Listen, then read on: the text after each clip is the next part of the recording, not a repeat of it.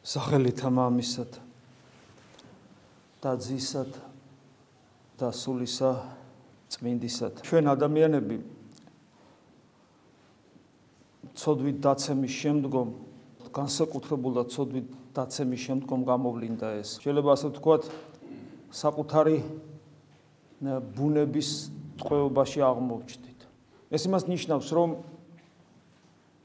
თავისუფლება დაკარგული გვაქვს და რაღაცნაირი ფორმით ის როცა საკუთარ თავს ავლენს, ანუ თავისუფლება, ის არასწორად რეალიზდება. კიდევ ვიმეორებ, იმიტომ რომ საკუთარი ბუნების ტყვეობაში ვართ და ეს არის ცოდვილობის მდგომარეობა, უფალი ამბობს წმინდა წერილში ხას უსვავს ბევჯერ და მას ვერ უგებენ. ვერ უგებენ მორწმუნე ადამიანების, როგორც მაგალითად ნიკოდიმოსი ვერ იგებს, რას ნიშნავს მეორე დაბადება და უფალი საყოდურს ეუნება რომ შენ სხვებს უნდა ასწავლიდე ჟურის მოძღვარი ხარ და როგორ არიცი? ვერიგებენ ფარისევლები ანუ რელიგიური ადამიანები რომ რა ცოდვილობა ეს არის ადამიანის დაცემული მდგომარეობა. მეორე ბუნება შეიძლება ასე ითქვას ასეთები გავხდით. და თავისუფლება რომელიც კაცმარო თქვას დიდი საიდუმლოებაა და მე არ მეგულება არანაირი განმარტება რომელიც ბოლომდე გაგვაგებინებს თუ რა ფენომენია ეს იმიტომ რომ პირველადი კატეგორიას რანგში გადის ანუ მას შესაძლებელი არა ვერაფერს ვერ შეადარებ და ვერაფერს მიხედვით ვერ იტყვი რომ აი ეს თავისუფლება არის აი ამას გავს ამის მსგავსია რაღაც ასეთი არის. ამიტომ ადამიანი რასაც როგორც უნდა ისე განმარტავს საკუთარი თავისთვის და ყოველას შეიძლება ასე ითქვას როგორც ყოველას საკუთარი სიმართლე აქვს როგორც ყველა ადამიანს საკუთარი ხედვა აქვს თელ რიგ საკითხებზე, ღირებულებებზე. ზუსტად ასევეა თავისუფლებასთან დაკავშირებითაც და ამიტომ ვერიგებენ, როცა უფალიონება რო თქვენ მონები ხართ და ისინი აპროტესტებენ და მე რო უფალიონება რო ჭეშმარიტება უნდა გაგანთავისუფლოთ, მაგრამ ჭეშმარიტებას ვერ ხედავენ. ეს პრობლემაა, მაგრამ ეს პრობლემა არ არის მარტო იმდროინდელი რელიგიური ადამიანებისათვის, ეს პრობლემა ჩვენთვისაც არის. ჩვენც არ გვესმის ეს რას ნიშნავს. ჩვენ ხომ ჩვენი ნებელობით ვცხოვრობთ. ნებელობა ხო ჩვენში არსებული აქტიური ენერგია. და ჩვენ ხო საკუთარ თავისთვის არ გვცალია თორე. თუ კარგად დაუფიქრდებით დავინახავთ რომ ეს ჩვენი აქტიურობა აქტიური ენერგია ნებელობა რასაც ქვია რომელიც ხაზგასმით უნდა ვიცოდეთ. რომ ეს არ არის ჩვენი პიროვნული თვისება პიროვნება ვახსენე უკვე აი ახლა ამ წუთში რომელიც ძალიან მნიშვნელოვანია ხო ბერძო გვითხოვს ამის შესახებ. ეს ბუნებისთვისება აი ბუნების რომლის ტყვეც მე ვარ ახლა მე პიროვნება რომლის ტყვეც ვარ აი ბუნების რომელიც სამწუხაროდ ვერ გადაიქცა საყდრად ტაძრად არამედ პოტენციაში ტაძარია ღვთისა ეგრე შემქმნა მაღმერთმა მაგრამ რატო იყო რომ წარმართულ სამყაროში პავლე სანამ გაახმოვანებდა, თუმცა მანამდე უფალი ამბობს ხაზგასმით და არ ღვიეთ ეს ტაძარი და სამდღეში აღვადგენ. ანუ უკვე პირველი გახმოვანება, რომ ადამიანის ბუნება ტაძარია, ეს უკვე ჯერ უფალმა გააკეთა, ეს უფალმა გაახმოვანა. თუმცა, თუმცა, თუმცა, თუმცა ბიბლიის პირველსავე თავში არის, რომ პირველსავე თავებში დაბადების წინშივია, როცა უფალი ღმერთი ადამიანს ქმნის, ბუნებას ქმნის, მაგრამ მასში შთაბერავს თავის სუნთქვას, უკვე იქ ჩანს, რომ ტაძარია, მაგრამ ასე ფორმულირებული არის ყოფილი პირველად საკუთარ თავზე ამბობს, თუმცა ამასაც ბევრი ვერ მიხვდება, მოციქულების იმომეთში ვერ მიხვდებია. მაგრამ მე პავლე მოციქული ამის პირდაპირ ესე იგი თეზისის სახით გვაძლევს საფრთხის მეტყოლო თეზისის და თან გვაფრთხილებს არ დაგავიწყდეთ გვეუბნება არ დაგავიწყდეთ რომ ჩვენი სხეული ტაძარია და აი ეს ტაძარი პოტენციური ტაძარია, როგორც ჩვენ პოტენციური ღვთისმშობლები ვართ, რეალიზებული არა ვართ. მაგრამ სანამ ჩვენ ტაძრად ვიქცევით, ესე იგი ტაძარი რას ნიშნავს? ბუნება, ჩემი ბუნება ტაძარია ნიშნავს, რომ მასში განუზომლა ძვირფასი რამეა შიგნით. განუზომლა ძვირ ღმერთია, გასაგებია, მაგრამ ღმერთი ხო ღმერთი ხო ძალადობით არ არის ჩემში. მე მე ხო უნდა მინდოდეს ღმერთი იყოს ჩემში. მე ხო უნდა ვითანამშრომლო მასთან. მე ხო უნდა მასთან დიალოგი მქონდეს. მე ხო უნდა ვიცნობდე და მიცნობდეს რომ გასმით ის ხო გახსოვთ ის სიტყვები არ გიცნობ ხო? აი აი ეს მცნობელობა. ანუ რა, პიროვნული ერთობა. გესმით ეს პიროვნული ერთობა არ არის ღმერთი ჩემში არ შემოვა. არ შემოვა და თუ არ შემოვა, მაშინ ტაძარი არ ვარ, იმიტომ ტაძარი ნიშნავს რომ ღმერთი ჩემშია. განუზომლად დიადი რამეა ჩემში როცა მე ტაძარი ვარ და როცა ღმერთი ჩემში არ არის, მაშინ მაშინ ჩემ ბუნებას აქვს თავისი ნება. მე ცხოველი არა ვარ და იმიტომ მე რომ ნებელობა არ მქონდეს, მაშინ ცხოველი ვიქნები და ცხოველი რაგას ხოვება კაცმა რო თქვას მარადიული პერსპექტივის თვალსაზრისით თქვა რომელიმე ცხოველსა და თიხის ქოთან შორის ორივე მიწისგან არის და საბოლოო ჯამში ორივე მტრად იქცევა. ნებისმიერი მაღალ განვითარებული ცხოველის და თიხის ქოთანიც. აი ესეა. მე ადამიანი ვარ. მე ნებელობა მაქვს. თიხის ქოთას ნებელობა არ აქვს. ცხოველს ნებელობა არ აქვს. მიუხედავად იმისა რომ ნერვული სისტემა აქვს და ლოგიკური აზროვნებას გარკვეულწილად შეიძლება ასე ვთქვათ აქვს. რაღაცებს ხდება ფიქრობს, მაგრამ ნებელობა არ აქვს, ნებელობა აქვს ადამიანს ხოლოდ. და აი ეს ჩემი ნებელობა ბუნების თვისებაა და როცა ჩემი ბუნება, ჩემი ბუნება არ არის რეალიზებული როგორც ტაძარი და ეს ნიშნავს იმას, რომ მას არ შეუძლია ღმერთის დატევნა საკუთარ თავში. მაგრამ ნებელობა მაინც აქვს. ეხლა კითხვა რა დავსვათ, აბა ეს ნებელობა რასაკეთებს? რასაკეთებს და თავის ჭკუაზეა. და როცა ჩვენ საკუთარ თავისუფლებაზე ვფიქრობთ და ეს როგორ რეალიზდება სას პრაქტიკაში. რასაც მე ამას ვაკეთებ რა.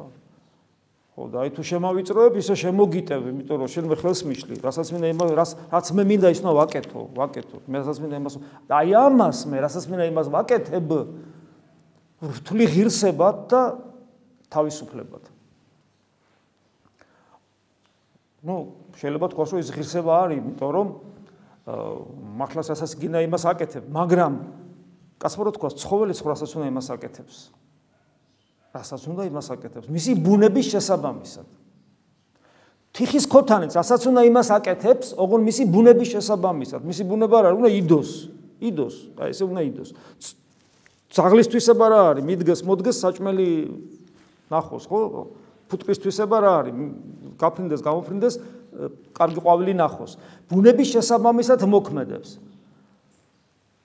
აი როცა მე ადამიანი ვამბობ რომ ნებელობა მაქვს, ეს უკვე ნიშნავს რომ მე მხოლოდ ბუნების შესაბამისად არ მოქმედებ, იმიტომ რომ მე რო ბუნების შესაბამისად მოქმედებ და მხოლოდ არანერი პასუხისგებლობა ზნეობრივი არ მექნება ცოცხალი ღმერთის წინაშე. მაგრამ მე პასუხისგებლობით ვიტვირთები, ჩვენ ხო გვითქვა ცხოველი, თქვა ტაცებელი რო ჭამს მსხვერპლს, ის არ წოდავს და ბალახის ჭამელი რო არ ჭამს სხვა ცხოველს არც ის არ არის კეთილშობილი. ის მისი ბუნებაა აი ადამიანი რომელიც მეორე ადამიანს ავიწრებს ის ცოდავს. ესე იგი ზნებრივი პასუხისგებლობით დატვირთული ვარ. ანუ მე ჩემი ბუნებით ვმოქმედებ მასე მარტივად არ ამაქვს საქმე. მე პასუხისგებელი ვარ. იმიტომ რომ კიდევ ვიმეორებ მე მაგ ნებელობა რაც არ აქვს სხვა არაფერს. და არავის. ხო და ეს ნებელობაა რომელიც იმგვარად არის მობილიზებული, იმგვარად არის მოქმედი, რომ საკუთარ თავში არ შეუძლია ღმერთის დატევნა და ტაძრად მყოფობა. აი წარმოგიდგენიათ მაშინ რა მდგომარეობაშია ადამიანი. რა მდგომარეობაშია და იგი ჭურჭლად რჩება, ანუ იმათ რაშიც რაღაცა შეიძლება დამკვიდრდეს და უკვე ვიცით, რადგან ღმერთი არ მკვიდრობს ჩვენში, ვინ შეიძლება მკვიდრობდეს და ესე იგი ჩვენს ნებელობას, ვართ რა ყოლილი ჩვენს ნებელობას, რომელიც და ვიმეორებ თუ დაუფიქრდები და საკუთარი თავისთვის მოვიცლით, ჩვენ დავინახავთ ჩვენი თავისუფლების ღირსებას. ღირსება უკვე ბჭყალებში ჩაისმება, იმიტომ რომ სინამდვილეში არანაირი ღირსება ეს არ არის. ანუ ვიქცევი როგორც ცხოველი იქცევა, ან უგუარეს შემთხვევაში როგორც ეშმაკი იქცევა, ოღონ იმ განსხვავებით, ცხოველისგან განსხვავებით, რომ პასუხისგებელი ვარ ჩემს ცხოველობაზე და ცხოველი თავის ცხოველობაზე პასუხისგებელი არ არის. აი ეს მდგომარეობაში ადამიანი, რა თქმა უნდა, ასეთ ადამიანს იყენებს ეშმაკი. თავის ჭკუაზე ატარებს, ოღონ ისე რომ ადამიანი ამას ვერ ხვდება, ვერ ხვდება, იმიტომ რომ ორგანულად შემოდის ჩვენში ისე, რომ მისი მსგავსი ბარა ვეს ვერ გზნობ, ვერ გზნობ მე როგორ შემოდის და როგორ გადის. როგორ ჩემ ცხოველობას ვერ გზნობ. პირიქით ადამიანს თავის ცხოველობა სიამოვნებს. ჰედონიზმი რა არის აბა? რა არის ჰედონიზმი? ეს რა ადამიანი ბედნიერია თავის ცხოველობით. ვერ გძრობს, რომ ღორს გავს, ან გველს გავს, ან მელიას გავს, ან გელს გავს, კაცებელს გავს თუ რაღაცას გავს, აი რა ვერ გძნობს ამას, სიამოვნებს. ასევე სიამოვნებს. ადამიანი ადამიანს თავის დემონური მდგომარეობა. ვერ გზნობს ამას. ეხლა ასეთ მდგომარეობაში ყოფი ადამიანი. რა თქმა უნდა ეშმაკის ჭურჭელი ხდება და როგორც გვინდა ისე გვიყენებს.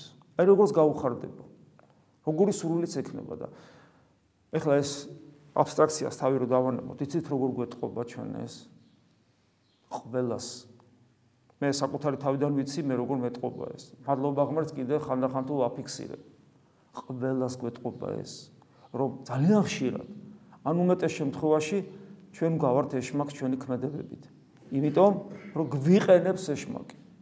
ეხლა ეს რომ თლა დაუჯერებელი არ ჩანდეს, ჩვენ ხო იცით რას ვეყნობით ხოლმე წმინდა წერილს და დღეს გახსოვთ კითხულობდით იოანეს სახარებიდან, მეშვიდე თავი იოანეს სახარებისა და გახსოვთ ამონარიც წაიკითხავთ თლიან სახარებას არა. მისმა ძმებმა, ძმები იცით ვინ არის ქრისტესთან თანაშეზრდილი იოსების შვილები, რომლებიც უფროსნი იყვნენ ასაკით უფალზე. მისმა ძმებმა უთხრეს: წადი აქედან და იუდეაში, რათა ყველა მიხილო შენ ნაკეთი საქმეები, ნაკეთები საქმეები. ვინდა და ფარულად არავინ არაფერს არ აკეთებს, არამედ თავის გამოჩენას ცდილობს და თუ ყოველივე ამას აკეთებ, შენი თავი გამოუცხადე ქვეყანას. და მე უცნაურად ეუნებიან. ყوას არიგებიან. რატო იქცევიან ასე? რატო იქცევიან? და აი სინამდვილეში აი ნახეთ როგორი რაღაცა თითქოს მის თუ შენ ესახარ ვინც ხარ, თუ შენ ისახარ ვინც ხარ, არ ჯერათ, მაგრამ თუ შენ ესახარ ვინც ხარ, მაშინ მიდი და ზალმოსილება აჩვენე, არ გეცნობათ სახარებაში ეშმაკის მიერ ქრისტეს გამოცდა ერთ-ერთი, რომ თუ შენ ზეხვთვის ახარ გადმოხტი ტაძრიდან ზემოდან და შენ ხო არ დაიმტრევი, შენ ხო ზეხვთვის ახარ, შენ ხო შენთვის ხო უგზა ნაბძანებია, რომ ანგელოზე მოუნა აგიპყრან და გიტვირთონ და არას არასაც წარსე ქვასაფერხი შენი, ანუ არაფერი არ დაგემართება, ხო? და ამას რო დაინახავენ ადამიანები, რომ შენ რო იქიდან გადმოხტები ჰაერში ლივლივებ და ესე იგი არაფერი არ გემართება, წარმოგიდგენია, რამდენი ადამიანი გამოგყვება მე რო უკვე შენს ძალმოსილებას რომ დაინახავენ. ანუ ძალმოსილება აჩვენე. ფაქტობრივად იგივეა, რასაც ახლა ეს ძმები ეუნებიან. იქ ეშმაკი პირდაპირ ეუნება და აქ ამ შემთხვევაში ძმები ეშმაკისგან აღზრულები ეუბნებიან უფალს. ნახეთ, როგორ იყენებს ჩვენს ახლობელ ადამიანებს, როგორ შეიძლება ჩვენი ახლობელი ადამიანები გამოიყენონ ჩვენ წინააღმდეგ, გამოიყენოს ჩვენ წინააღმდეგ ეშმაკმა. როდესაც ჩვენ გვინდა რომ სულიერად ვიცხოვრო და ასევე როგორ შეიძლება ჩვენ გამოგვიყენოს ეშმაკმა ჩვენი მოყვასის წინააღმდეგ. თუ იმათ იყენებს, ვინც ქრისტესთან ერთად გაიზარდა. ვისი მამაც იოსები იყოს უწმინდესი ადამიანი, ვინც ღვთისმშობლის სახლში იზრდებოდნენ და ღვთისმშობელი მათი დედინაცვალი ესე ვთქვათ, მაგრამ აი როგორი ხო, როგორი გამზდელი ყავდათ. ვინც შემდგომში მოციქულები ხდებიან და מחარებლები, იუდა, იაკობი, იაკობი პირველი მღვდელმთავარი იერუსალიმისა, უდიდესი ავტორიტეტის მქონე, ესენი ხდებიან ეს ძმები მე. თუ ამათ ეს ემართებათ მაშინ ჩვენ რა შეიძლება ვთქვა და რა გარანტია შეიძლება გქონდეს? და მე პირდაპირ ამბობს מחარებელი რამე თუ არც ახლა ძმათა მისთა რწმენა მისი. ანუ ძმებს არ წამდათ მისი. და მე აქეთი ნიუანსია კიდე რომ აი ესეთი ურწმუნოება აქვთ და მე ხო ვიცით მათი ურწმუნოება თავდაპირველი ურწმუნოება როგორი რწმენით შეიცვალა? ისეთი რწმენით შეიცვალა როცა იუდა წერს წერილს იუდას წერილები და იაკობის წერილები წმინდა წერილშია თქვენ რო კითხულობთ 60 ქულოს იქ არის იუდას ეპისტოლე იაკობის ეპისტოლე სწორედ ეს ძმები არიან. ნახეთ როგორ წერენ მონა ქრისტესი ერთად გაზდილები არიან უფალი პატარა იყო ესენი დიდები იყვნენ უფრო ხო ალბათ ერთად თამაშობდნენ რა ვიცი როგორ არის ხო ოჯახში ძმები როგორ არის. მონა არ წამთ. რაღაც ეს ელაპარაკე მე უარეს შემთხვევაც არის. კაი მარკოს מחარებელთან ნახეთ რა წერია ეს მესამე თავია. გაიგეს ახლობლებმა რომ თვალი მოვიდა და მოვიდნენ რათა შეეპყროთ იგი. ახლობლები არ წერია ხა მაინდა-მაინც ძმები მაგრამ იქ როგორ არის ძმები ვიზაშვილები სულ ერთი წრია სავარაუდოდ შეიძლება ეს იაკობი და იუდაც იქ იყვნენ ზუსტად გაიგეს რომ მოვიდა უფალიო და მოვიდნენ რათა შეეპყროთ ვინაიდან ამბობდნენ შეიშალაო. ნახეთ ქრისტეზე რას ამბობ. აი ეს ეს ეს ეს ხედვა. ან ერთი ეპიზოდი გამახსენდა კიდე როდესაც უფალი ხადაგებს მოწაფეებთან და დედა და მისი ძმები და დები და მთელი ეს ახლობლები მოვლენ და დაუძახებენ. და გახსოვთ უფალი არ გავა. ნახეთ არ გავა. დედაც იქ არის ყოვლადწმინდა ღვთისმშობელი არ გადის იქ და რას ამბობს? ჩემი ძმა დედა მამა ყველა ის არის ვინც ჩემს სიტყვას ვინც ღვთის სიტყვას ისმენს და აღასრულებს. ნახეთ რა ნახეთ როგორი როგორი იგზნობა ეს. ერთგვარი დაძაბულობა მის ახლობლებსა და მას შორის. და აგერ შეიშალაო პირდაპირ წერია შეიშალა. მარკოს מחარებელის მესამე თავი აი ეს დამოკიდებულება აქვს და საოცრება რა არის რომ ეს დამოკიდებულება აქვს მანამ სანამ არ აღდგება მკვდრეთით წარმოიდგინეთ ფიქრობე რომ ჩაოლებრივი ადამიანი ჩაოლებრივი ბავშვია 30 წლამდე აბსოლუტურად ჩაოლებრივი ნუ ერთი შემთხვევა ვიცით 12 წლის ასაკში როცა არის იქ დაიკარგება, თითქოს კი არ დაიკარგება, ნუ ესენი ვერ ნახავენ და მამის სახლში ვარ და რატომ ეძებთ? შეიძლება იქ რაღაც გამოვლენები კიდე იყო, მაგრამ აი ესე განსაკუთრებული არაფერი და უცებ 30 წლის ასაკიდან იწખებს ის საზოგადო მოღვაწეობას, ესენი შოკში არიან.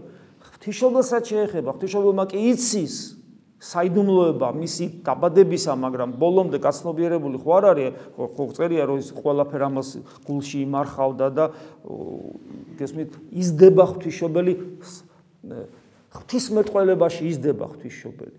ასე ვთქვათ, ღვთისმეტყველებაში იზდება. იმიტომ რომ ის გაცნობიერება თუ ვინ შვა ადამიანის ბუნებას არ ძალუთ, დაიფერფლება ადამიანის ბუნება. ვინ შვა? ეს ნელ-ნელა ხდება პროცესია. მე სულიწმინდა ღმერთი რო გარდამოვა საბოლოო ჯამში მე ხდება უფრო გარკვეული. და სიტყვაში სიტყვაში კიდევ კიდე საუკუნეები ჭირდება რომ ბოლომდე ბოლომდე сахарებისეული გამოცხადებისეული ჭეშმარიტება ჩვენთვის გარკვეული იქნას თუ ვის თან გვაქვს საქმე როცა ქრისტეზებს საუბრობთ ვის ვეზიარებით და ასე შემდეგ. ხო და აი ეს ძმები და ეს ახლობლები რომლებიც აი ესეთ ექცევიან უფალს, მე ხდებიან გუმხურვალე მორწმუნენი და ამბობენ მონა ქრისტესი იაკობი და ესე წერენ. რატო? იმიტომ რომ მათი ხილეს აღდგარი ქრისტე. აი ქრისტეს პდრეთით აღდგომის ნამდვილობა ამითაც დასტურდება, როგორი ფერიცვალება ხდება ამ ძმებში. რატო ყოველას არ გამოიცხადა მაშინ კითხვა გაჩნდება? იმიტომ რომ მრავალი დაეჭდებოდა მაინც და сахарებაში ესეც წერია მათეს сахарებაში რომ მიუხედავად იმისა რომ ყდეთით აღმდგარი იხილეს შეორგულდნენ მაინც. რატომ შეორგულდნენ? რატომ დაეჭდნენ? რატომ არ მიიღეს? იმიტომ რომ შეუძლებელია ადამიანური გონებით. ლოგიკით დაჯერება იმისა რომ ადამიანი გარდაცვლილი აღარ გამყდრეთით შეუძლებელია.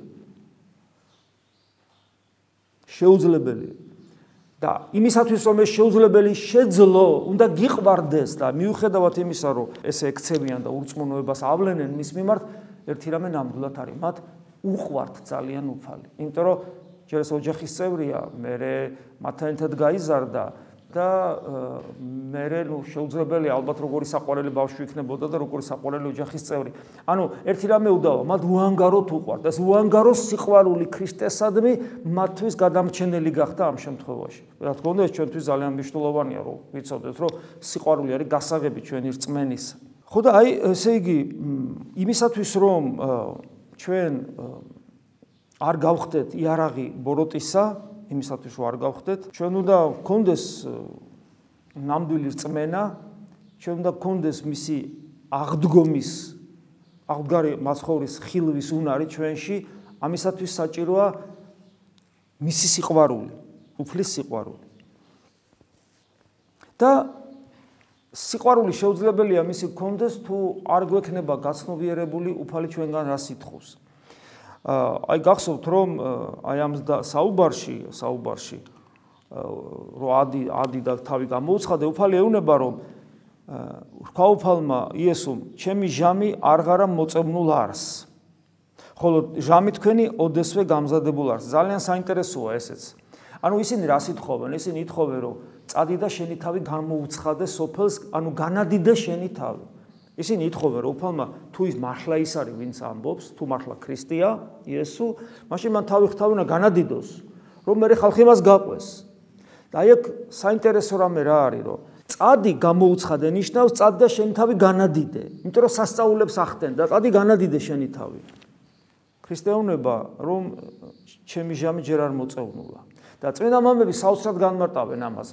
ჩემი ჟამი ჯერ არ დამდგარა, ჩემი ჟამი არ აღარა მოწევნულა, რაც ნიშნავს რომ არ დამდგარაო უფალი ამბობს, წმინდა მამები საოცრად განმარტავენ ამ ადგილს, არ დამდგარა ჩემი ჯვარცმის ჟამი. ანუ იმ ესე იგი, ესენი ამბობენ, რომ შენი თავი გამოაჩინე, განდიდება უნდა მოხდეს, როდის, როცა შენ ზეობაში ხარ და სასწაულებს მოახდენ და ახდენ და ძალმოსილება და მე მეფე ხდები და ასე შემდეგ. აი ესე განადიდე შენი თავი და უფალი ამბობს, რომ ჩემი ჟამი არ დამდგარა და მამები განმარტავენ, რომ ის ჟამი როცა დადგება, ნიშნავს, დიახაც მან უნდა განადიდოს ქრისტემ თავის თავი, ოღონ ჯვარცმით. გასოთ უფალი როგორ ამბობს, როცა მე მაღლდები, ყოველას მოგიზიდავთ და იოანე მოციქული იქვე განმარტავს. ამას რო ამბობდაო, გულისხმობდა, რო არ მეგონოს, რომ ამაღლებაში გულისხმობა ის ამაღლება, რომელიც აღდგომის მერე მოხდა, როცა ამას ამბობდაო, როცა რო ამაღლდები, ყოველას მოგიზიდავთ და ეს ფილიპ გაშლის სიმბოლოა, რომ ყოველას ყოველას გვეძახის. ყოველას გვეძახის. გულისხმობდა თავის სიკვდილს, ანუ თავის როგორ მოკვდებოდა ამას გულისხმობდა. როცა მე ამაღლდები მოგიზიდავთ, ან როცა მე ჯვარცმული ვიქნები, მე მოგიზიდავთ. ეს ძალიან მნიშვნელოვანია, ჩვენ ჯვარცმული ღმერთი თუ არ გვიზიდავს, მაშინ ჩვენ ვერ დავინახავთ მას კვეთით აღდგარს, იმიტომ რომ ქრისტიანობა სწორედ აი აქ არის, აი აქ აქ იხსნება ჩემი ჩემი რწმენის საიდუმლოება, მე ჯვარცმული ღმერთი მიზიდავდეს უნდა. და მიზიდავდეს ნიშნავს, რომ განმაწყობდეს შესაბამისი ერთგულებისა და თავგანწირვისათვის. იმიტომ რომ ეს სოფელი სხვანაირად ფიქრობს. იმიტომ უნება ხოლო ჟამი თქვენი ოდესვე გამზადებულ არის. რას ნიშნავს თქვენი ჟამი გამზადებულია? ანუ სულ თქვენი დრო არის.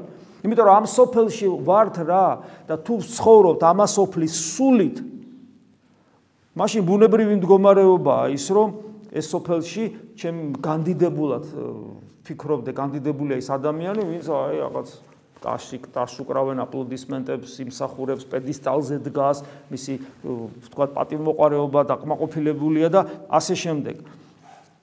და ფაქტობრივად ნიშნავს იმას რომ საკუთარი თავია განდიდებული ადამიანს. ეს არის ამიტომ ამიტომ ვერ ხვდება სანამ ადამიანს აი ეს განწყობა აქვს რომ მე დიდებას ველოდები და აპლოდისმენტებს ველოდები და კვარცხლებზე დგომას ველოდები და პატივს ველოდები და ჩემი ღირსების დაფასებას ველოდები და ასე შემდეგ. აი ამგვარ თუ ასე ასე ვფიქრობ მე ჩემი ცხოვრების გზის გავლას, ჩემთვის არ როცა ჩემთვის უცხოა სიმდაბლე, გულმოწყალება, თავგანწირვა და ასე შემდეგ, ჩემთვის შეუძლებელი ხდება ქრისტეს დანახვა. შეუძლებელი. ვერაფრით ვერ გავხდები, რაც არ უნდა მომეწონოს მე სახარება და რაც არ უნდა გულზე მუშვიგვი და შენი სამშობლოდე და ეკლესია, რაც არ უნდა ასე ვიქცეოდე, შეუძლებელი ხდება პრაქტიკაში, პირად ცხოვრებაში, პირად ცხოვრებაში გულისხმობ ჩემი დამოკიდებულება უფალთან, ჩემი სიმდაბლე, ჩემი ურთიერთობა მოყვასთან, მოყვასი ზოგადი, ზოგადი და მოყვასი კონკრეტული ეს ხდება მეუღლე, შვილები, შვილიშვილები, დედა, мама, მეგობარი, თანამშრომელი, მრევლის წევრი, გესმით? შეუძლებელი ხდება ჩემთვის ქრისტიანობა. იმიტომ რომ მე მე სხვანაირად ხედავ ამ განდიდებას.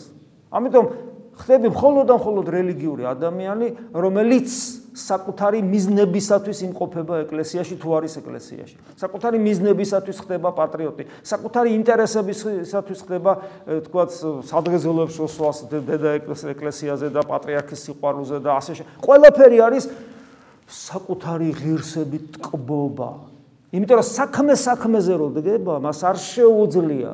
იესო იესო ას არ შეუძლია ქრისტესავით დაიმდაბლოს თავი, მას არ შეუძლია ქრისტესათვის ქრისტეს მსგავსად იყოს გულმოწყალე მიმტევებელი და ასე შემდეგ. არ შეუ არ შეუძლია არ შეუძლია. მას ბეზდება, ბეზდება сахарება, ბეზდება ლიტურგია, ბეზდება გონების მიერი ლოცვა, ბეზდება წმინდა მამების კითხვა, ბეზდება სულ რელიგიური სულიერი ცხოვრება, მას უნდა გართობა, თამაში, დროსტარება, სიამოვნება, ბეზდება ეს ყველაფერი არ შეუძლია, ატანა არ აქვს. და თუ შეეხები კიდე მე მე მიხვდები რასთან აგაკს აქ. აი ეს არის. უფალი ესეთ რამეს ამბობს კიდევ საინტერესოს. ვერ ხელეწიფების სოფელსა მოძულება თქვენ და საინტერესო ამასეუნება სოფელი ვერ ვერ მოგიძულებ თქვენ იმიტომ რომ ერთგვაროვანი მე და სოფელი ერთნი ვართ მე თუ აი ამ აი ამ მდგომარეობაში ვარ, რაზეც მე საუბრობ, ამ ერთგვაროვანი ვარ და ვერ მომიძულებს, ხოლო მე ზულ ვარ. და მე განმარტავს, რატო ზულს ამ სოფელს ქრისტეს. ეს სოფელი ქრისტეს ვერიტანს ზულს და ეშინია მის. ამ სოფელს ქრისტესი ეშინია.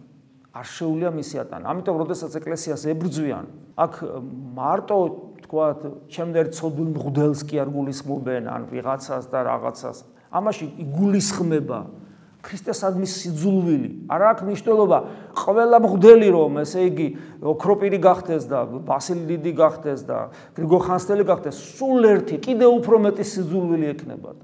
კიდე უფრო მეტი. და ჩვენ ვიცით, იგივე ყველა ამ ვინ ჩამოვთვალე და კიდე უამრავი წმინდანი ამას სოფლის სული როგორ ებრძოდა ამ წმინდანებს, მათ შორის გრიგო ხანძთელსაც. გესმით, ეს ეს ჩვეულებრივი ამბავია, იმიტომ რომ აქ არის საუბარი ქრისტესადმი სიძულვილზე.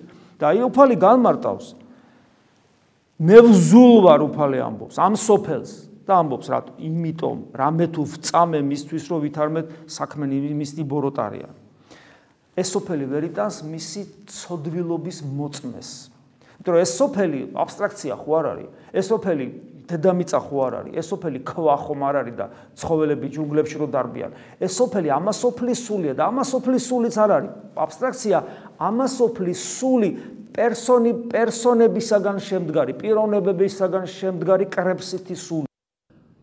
ოღონდ რომელიც ჯოგური პრინციპით კი არ მოქმედებს ყველა თავისთვის რომ არის, არამედ იმართება ერთი პრეისტორიული დაცემული სულით, რომელსაც ეშმაკის და სატანა ქვია. ამიტომ ეს სული ვიღაცა შეიძლება ეგონოს, რომ აი ეს საპაროში გაბნეულია ყველა თავისთვის დარბის, ყველა თავისთვის მოძრაობს და სინამდვილეში ეს ყველა თავისთვის, რადგან არ არის ქრისტესი რადგან შესაბამისად ყველა თავისთვის, შესაბამისად იწნარებს დემონურ სულს, აი ამ ყველაფრის მართვის სადავებს ვუგდებთ ჩვენ სატანას ხელში და ამასოფლის სული პერსონიფიცირებული მდგომარეობა, პერსონიფიცირებ პერსონა არის, შეიძლება ასე თქვას, ეს არის ანტიქრისტეს სული, რომელიც ადასტაერად ავლენს საკუთარ თავს.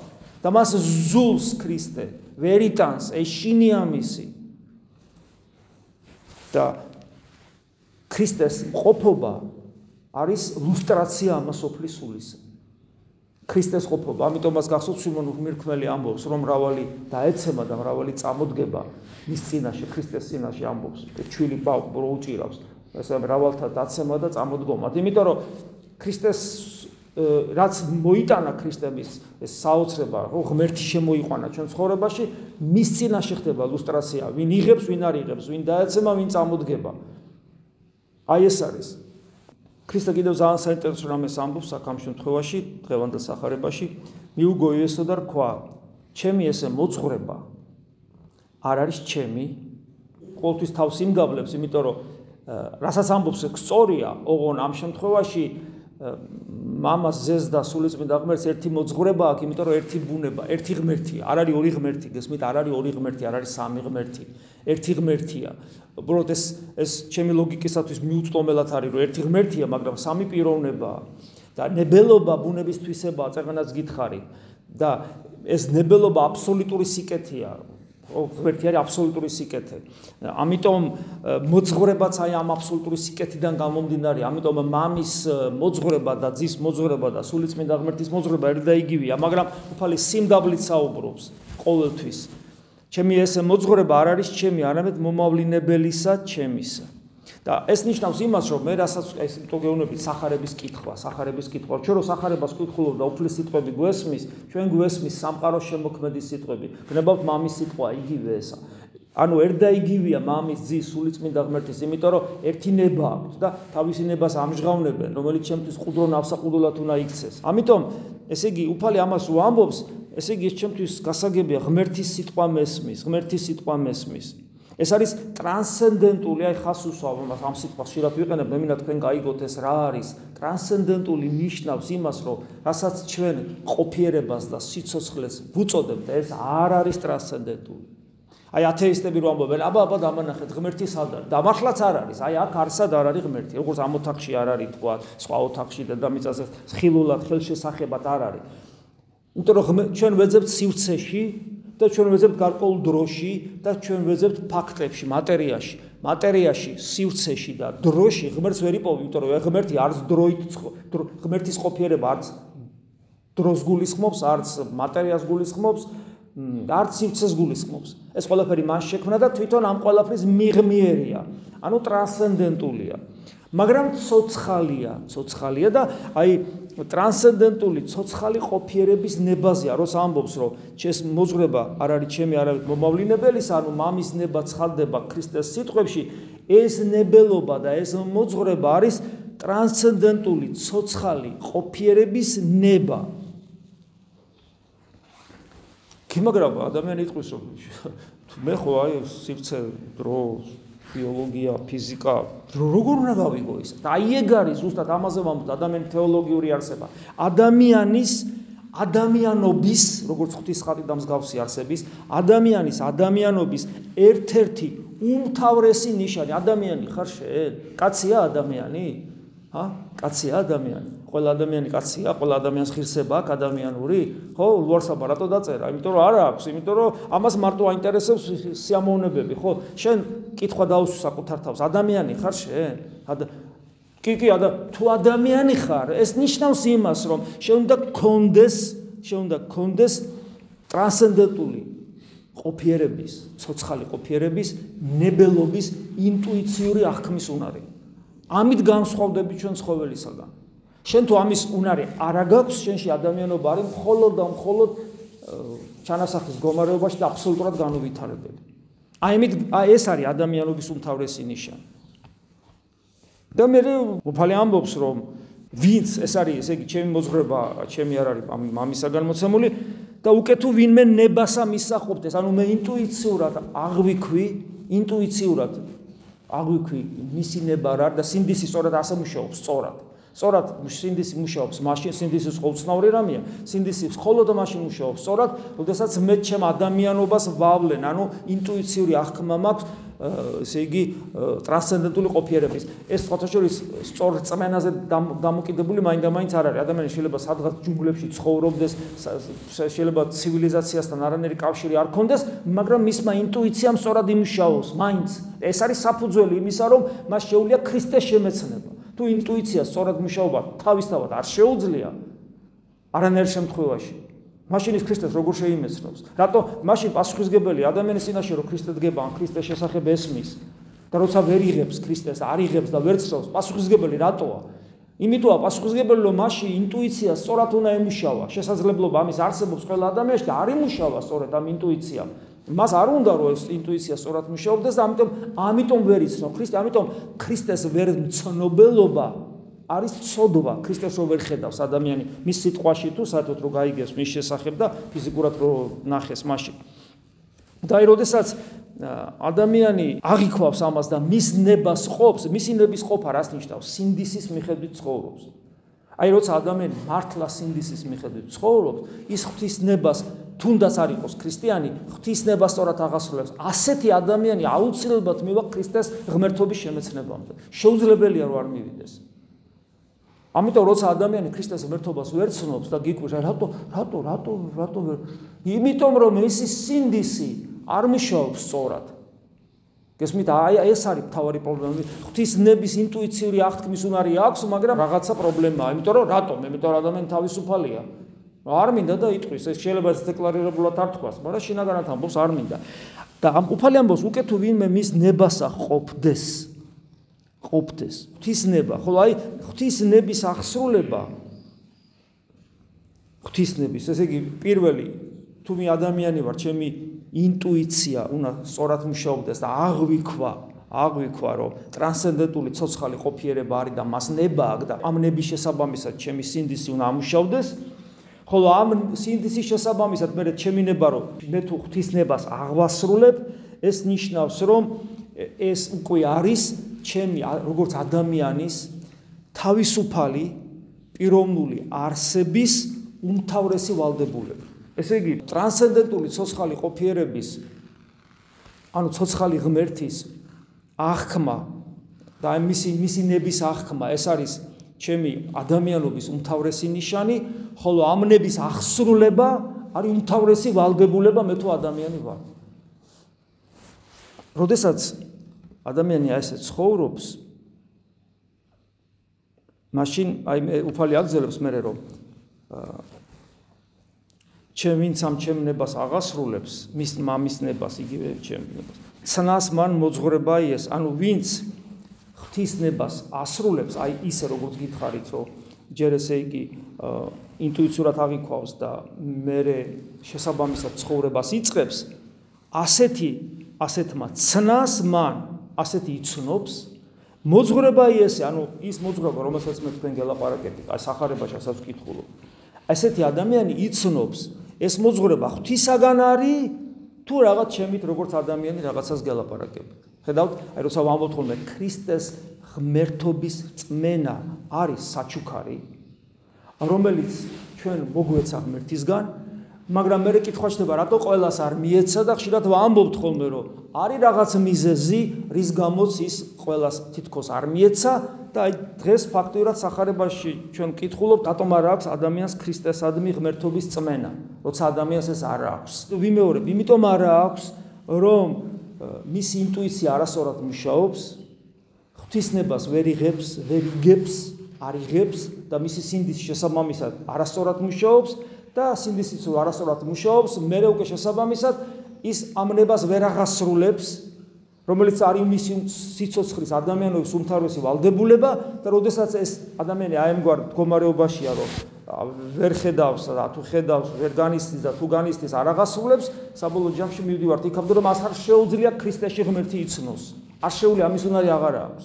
ამიტომ შეიძლება იყოს ძალიან კეთილშობილი ადამიანი, ზნეობრივი თვალსაზრისით ძალიან გაწონასწორებული და სამოქალაქო თვალსაზრისით, მაგრამ ქრისტეს სიტყვები მას მის გულზე არ მოქმედებს და ეს მისი ბრალია, არავის სხვისი ბრალი არ არის.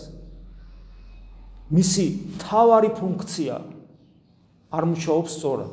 და ეს აი თავისუფლება ადამიანის თავისუფლება, სწორედ თავისუფლება სწორედ ამაში უნდა რეალიზდეს და არა იმაში, რომ რომელიც საჭმელი გიყვარს. შენი ადამიანობა უნდა რეალიზდეს რომ ღმერთი შეიცნო და არა იმაში რომ ჭამსვა ვიძინებ და მრავლდები და ასე შემდეგ. არამედ არამედ აი იმ თავარში და ის თავარი არასწორად მუშაობს. არასწორად მუშაობს. შენი ბრალია რომ არასწორად მუშაობს. შენი თავისუფლება არ რეალიზდა სწორად ამიტომ ქრისტეს ვერ ცნობ. მისი სიტყვები გულს არ გეხება ეს ვით რელიგიურ გზნობებს იქმაყოფილებ თუ რელიგიური ადამიანი ხარ მაგრამ საქმე საქმეში მოყვასთან ურთიერთობაში არ ვლინდება ეს არაფერში არ ვლინდება ხო აი ადამიანი რომელიც ამგვარად სწორად ცხოვრობს, რა თქმა უნდა, მისი რწმენა, ქრისტესადმი რწმენა ძლიერდება და ღრმავდება და რა თქმა უნდა, მას ვერანაირი ეშმაკი ვერ გამოიყენებს თავის ჭურჭლად და ადამიანი ხდება ჭეშმარიტად ღვთის ტაძარი. აი ეს არის ჩვენი საკეთებელი და მადლობა უფალს, რომ აი დღევანდელ დღესაც წმინდა წერილმა ძალიან ბევრი რამე ვფიქრობ, გაგვაგებინა, გამგვიმარტა და ეს კიდევ ერთხელ მინდა იყოს თითოეული ჩვენგანისათვის мотиваცია წმინდა წერილში ჩაღმავებისა. უსასრულო სიბრძნედებს მასში და ჩვენ რა ვიცი არანერი ცხოვრება არ გვეყოფა იმისათვის რომ ჩვენ მას შავწუდეთ, მაგრამ ამის საჭიროება არ არის, თავარი არ გავჩერდეთ, იმიტომ რომ გარდავიცვლებით ჩვენი ღმერთთან ურთიერთობა გაგრძელდება და ისეთ სიღრმეებს შეიძენს, რომელიც ვერც კი წარმოგვიდგენია, ოღონ ეს სიღრმეები იქნება იმ დიდ სიხარულთან შეზავებული, რომლის გამოცდილება ჩვენ არა გვაქვს და რომლის წარმოქმნას მართლაც არ შეგვიძლია. მადლიუფლისა ჩვენისა იესო ქრისტესი და სიყვარული ღვთისა და მამისა და ზიარება სულისა წმინდისა იყოს თქვენ ყოველთა თანა. ამინ. ქრისტე აღსდგა.